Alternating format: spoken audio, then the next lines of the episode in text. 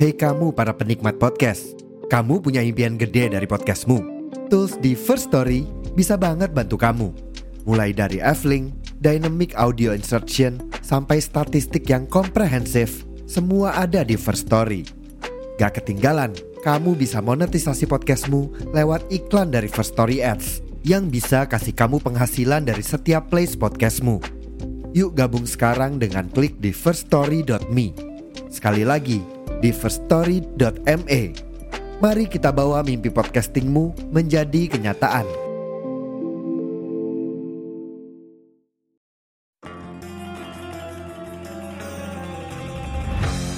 Halo, selamat datang di podcast Komik Indo. Gue sempat dapat pertanyaan kayak gini nih. Kalau hantu atau makhluk halus itu secara harfiah beneran bisa dipukul, kira-kira cara pandang kita tentang sosok mereka tetap sama nggak ya? Pertanyaan itu ngebuat gue inget sama salah satu komik yang gue rasa bisa jadi referensi yang bagus buat pertanyaan tadi.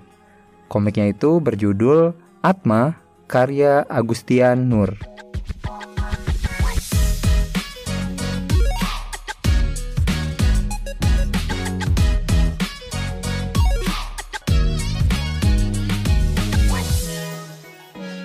Atma ini sebenarnya adalah judul alternatif dari komik dengan judul asli Hati Baja. Jadi kalau lu sempat tahu komik dengan judul Hati Baja, ya itu komik yang sama dengan yang mau gue bahas sekarang. Komik ini pertama kali terbit di tahun 2018 di platform komik online Ciayo dan sempat beberapa kali memenangkan penghargaan Comic of the Year di platform tersebut. Dan setelah platform online itu tutup, Hati Baja tetap ngelanjutin chapternya dan dipublikasikan secara mandiri di Karya Karsa dan Webtoon Canvas. Terus di tahun 2023, komik ini diterbitkan kembali sama platform online Akoma, yang dulu nama platformnya itu Paras Komik, dan mengganti judulnya jadi Atma. Di platform Akoma, komik ini selama berbulan-bulan sampai saat episode podcast ini tayang masih menjadi komik dengan ranking 1 dari segi popularitas. Komik ini punya premis berupa perjalanan seorang pemuda desa berkemampuan spiritual untuk mencari temannya yang hilang di kota. Untuk genrenya sendiri, komik ini punya genre action dan horror. Terus untuk ratingnya, komik ini punya rating 12 plus yang berarti diperuntukkan bagi pembaca remaja. Gue sendiri tahu komikus Agustian Nur ini udah cukup lama Dulu beliau cukup aktif di platform ngomik.com dengan nama Agasa Ichigo. Ya mungkin buat lo yang pernah tahu atau dengar nama pena itu, ya dia adalah Agustianur. Dan setahu gua pun, Mas Agustian ini di zaman itu udah bikin komik dengan tema action horror. Tapi untuk komik Hati Baja atau Atma ini, gua dulu belum sempet ngikutin di platform yang lama gue tahu ada komik ini tapi karena ketololan gue sendiri gue nggak begitu ngikutin komiknya karena gue jarang ngebuka platform yang dulu itu. Dan baru beberapa bulan belakangan ini akhirnya gue ngikutin dan bisa catch up dengan komik ini. Terus dari yang udah gue baca untuk universe-nya gue rasa komik ini pakai referensi daerah di Indonesia. Cuma emang di komik ini nggak dispesifikin atau nyebut nama kota tertentu. Nama yang dipakai juga lumayan general kayak kerajaan bawah bukit, daerah pantai selatan, ya pokoknya gitu-gitulah. Tapi emang cukup kental sih unsur lokal Indonesianya di komik ini.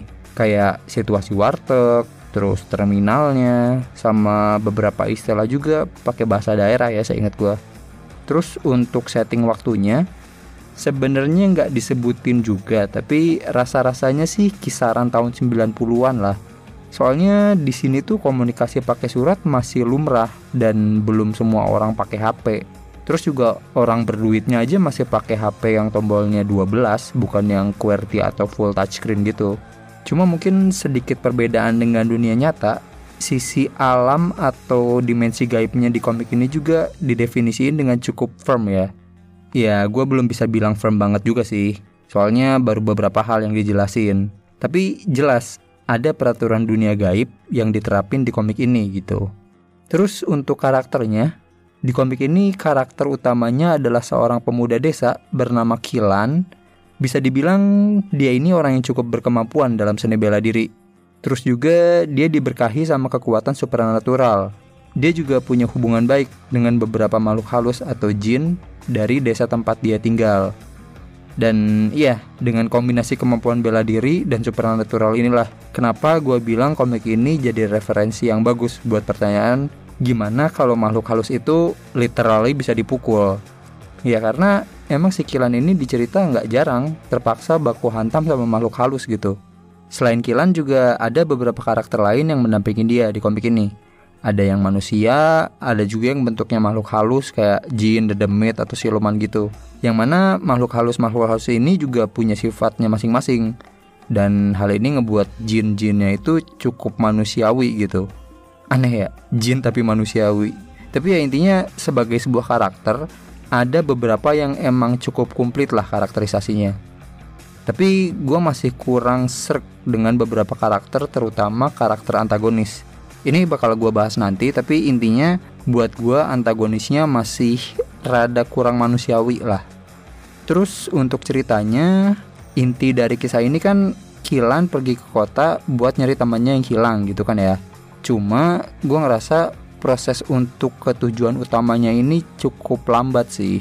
Gue nggak bilang chapternya kependekan Thor kayak beberapa komen di apps baca komik kan Enggak, gue pikir sih orang mungkin ngerasa chapternya pendek karena banyak adegan fightingnya. Ya soalnya ini kan kalau boleh gue bilang komik action tapi pakai unsur mistis dan bumbu horor gitu. Maksud gue rada lambat adalah Kilan ini seling terlibat hal-hal yang sebenarnya bukan urusan dia gitu. Dan ditambah lagi adegan fightingnya emang sebanyak itu. Dan kalau dihitung-hitung kayaknya setengah dari chapter di komik ini tuh adegan action deh dan kayaknya komikusnya emang suka banget sama adegan fighting. Jadi kalau ada kesempatan masukkan scene fighting pasti tidak disia-siakan gitu. Makanya kalau lu tipikal yang suka banget sama komik action atau fighting gua rasa lu bakalan suka deh sama komik ini. Terus mungkin gue juga pengen ngomentarin hal lain ya. Kayak terjemahan. Di apps Akoma kan komiknya dibuat jadi dua bahasa ya Indonesia dan Inggris. Cuma gue tuh ngerasa untuk translationnya belum sempurna kali ya. Terutama untuk onomatope atau sound efeknya. Untuk bahasa yang berbeda, huruf yang dipakai buat ngewakilin suara juga beda kan ya. Di komik ini untuk versi Inggris, suaranya tuh masih pakai dus, jelek, duk, beletak. Itu beletak sih yang bikin gua ngeh banget pas coba baca versi Inggris. Anjir, ngerti nggak ya orang luar ini beletak tuh apaan? Ya entah juga sih, tapi kayaknya kalau di barat itu make pow, smack, crash atau apalah gitu.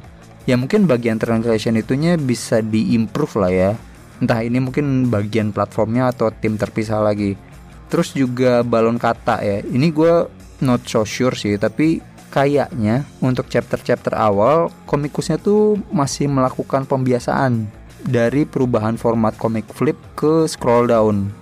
Soalnya di awal-awal tuh gue sempat nemu ada balon kata yang posisinya di kanan atas sama kiri rada ke bawah. Kalau untuk format flip page, flow bacanya kemungkinan enak ya. Cuma pas ke scroll down, jadinya gue baca yang di kanan atas dulu gitu. Padahal harusnya dialog yang duluan tuh yang kiri. Dan gue juga ngerasa masih ada halaman yang kayaknya dipakai buat split page gitu. Tapi itu buat chapter-chapter awal sih. Buat yang ke sini-sini sih udah nggak ada lagi bahkan sempat ada juga sih halaman yang udah pakai shoot panjang ke bawah gitu. Jadi menurut penilaian gue pribadi komik ini tuh komik yang secara pribadi gue suka tapi mungkin tidak untuk semua kalangan. Gue mungkin akan merekomendasikan komik ini ke lu. Kalau lu suka sama komik action udah pasti. Atau kalau lu pengen baca komik yang punya karakter tetap non manusia tapi rasa lokal gitu kalau lu udah bosan lihat komik yang isinya vampir, Baphomet, elf gitu. Nah, komik ini bisa jadi alternatif yang menarik lah. Lu bakalan dapat Mbak Kunti, Ganderwo, Pocong Seksi, eh, ya itulah pokoknya. Tapi mungkin kalau lu tipikal yang nyari horror dengan membangun suasana suspense gitu, mungkin belum sih. Ya, di sini ada beberapa scene jump scare, believe me ada dan beberapa visualisasi menyeramkan tapi bukan ditujukan untuk bikin pembaca merinding gitu. Terus oh ya ini kelupaan gue bahas. Tapi gue suka cara komikus ini buat nge-encourage pembaca untuk interaksi kayak like, subscribe, komen gitu. Dia ngasih visualisasi yang beda-beda dan kadang cukup komunikatif juga gitu. Kayak mau diingetin Mbak Kunti atau mau diingetin saya?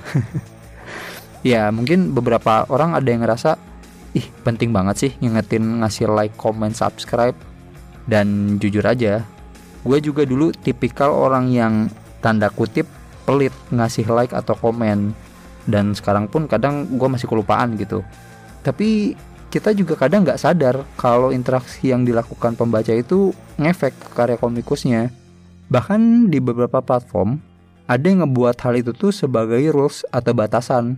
Apakah komik ini bisa lanjut, atau bisakah komik ini ditaruh iklan, atau bisakah komik ini dimonetisasi gitu. Itu ngaruh tahu. Maksudnya, iya, gue tahu di beberapa talk show komik emang bisa dibilang pembaca Indonesia tuh masih harus diedukasi bahwa beberapa hiburan atau entertainment tuh ada yang harus dibayar untuk dinikmatin dan hal ini juga tentunya diperparah sama banyaknya pembajakan dan sampai-sampai ada komikus juga yang bilang kalau emang sampai ngasih like atau komen buat karya yang udah dinikmatin aja sesusah itu berarti PR-nya masih lebih banyak lagi. Iya, gue juga kadang nyadar gitu, gue lebih mudah ngasih like dan komen di sosmed buat hal yang sepele atau bahkan nggak terlalu gue nikmatin. Tapi buat komik yang jelas-jelas udah gue baca, gue ikutin, gue nikmatin, kenapa ya? Kadang susah gitu buat like atau komen subscribe. Ya ini juga gue masih sambil membiasakan dan belajar sih.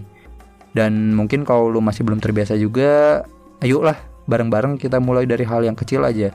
Nge-like, subscribe, atau komen karya yang udah kita baca ya mungkin sedikit bisa membantu lah dengan ngasih tahu kalau komik ini worth it atau setidaknya kalau lu nggak suka dengan ngasih komentar kenapanya komikus jadi tahu kan dan siapa tahu jadi masukan yang berguna juga buat komikusnya ah ketinggalan. Satu lagi soal komiknya. Karena komik Atma ini terbit di tiga platform berbeda ada urutan baca yang bisa lu ikutin kalau mau maraton baca komik ini. Ya bisa jadi urutan ini udah nggak relevan tapi per akhir Oktober 2023 urutannya itu season 1 sampai season 5 komik ini bisa lu baca di Akoma dengan judul Atma. Terus kalau lu mau lanjut baca lagi, lu bisa baca di webtoon Canvas dengan judul Hati Baja. Terus kalau masih penasaran, bisa baca lanjutannya di karya Karsa Agustian Nur. Nanti link-linknya bakalan gue taruh di deskripsi. Dan seperti biasa, abis ini gue bakalan lanjut bahas komiknya tapi include spoiler. Jadi kalau lu udah baca atau nggak masalah sama spoiler, kita ngobrol lagi abis ini. Tapi kalau lu nggak mau kena spoiler, stop di sini aja, nggak apa-apa. Jangan lupa dukung terus perkomikan Indonesia, bukan hanya karena nasionalitas, tapi juga karena kualitas. Sampai ketemu lagi di episode berikutnya. Dadah.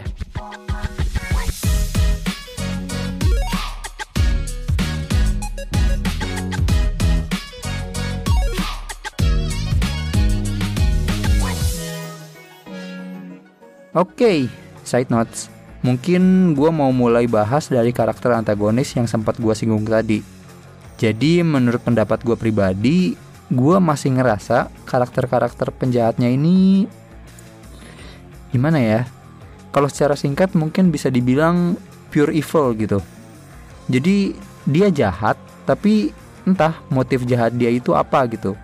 Maksud gue tiap villainnya nggak harus dieksplor sampai dalam, nggak. Tapi kan entah ya buat The Demit cuma manusia kan kalau di dunia aslinya jarang gitu ada yang beneran hitam atau putih ya gue nggak bilang nggak ada mungkin ada tapi jarang banget kan ya misal maling ayam atau sembako gitu ya motifnya karena kepepet atau lapar lah atau misal koruptor serakah ya koruptor pasti serakah sih orang berkecukupan masih aja ngambil ya tapi ada kan yang jadi pemicu keserakahan dia gitu kayak si dukun hisam itu dia sempat nyinggung sebenarnya.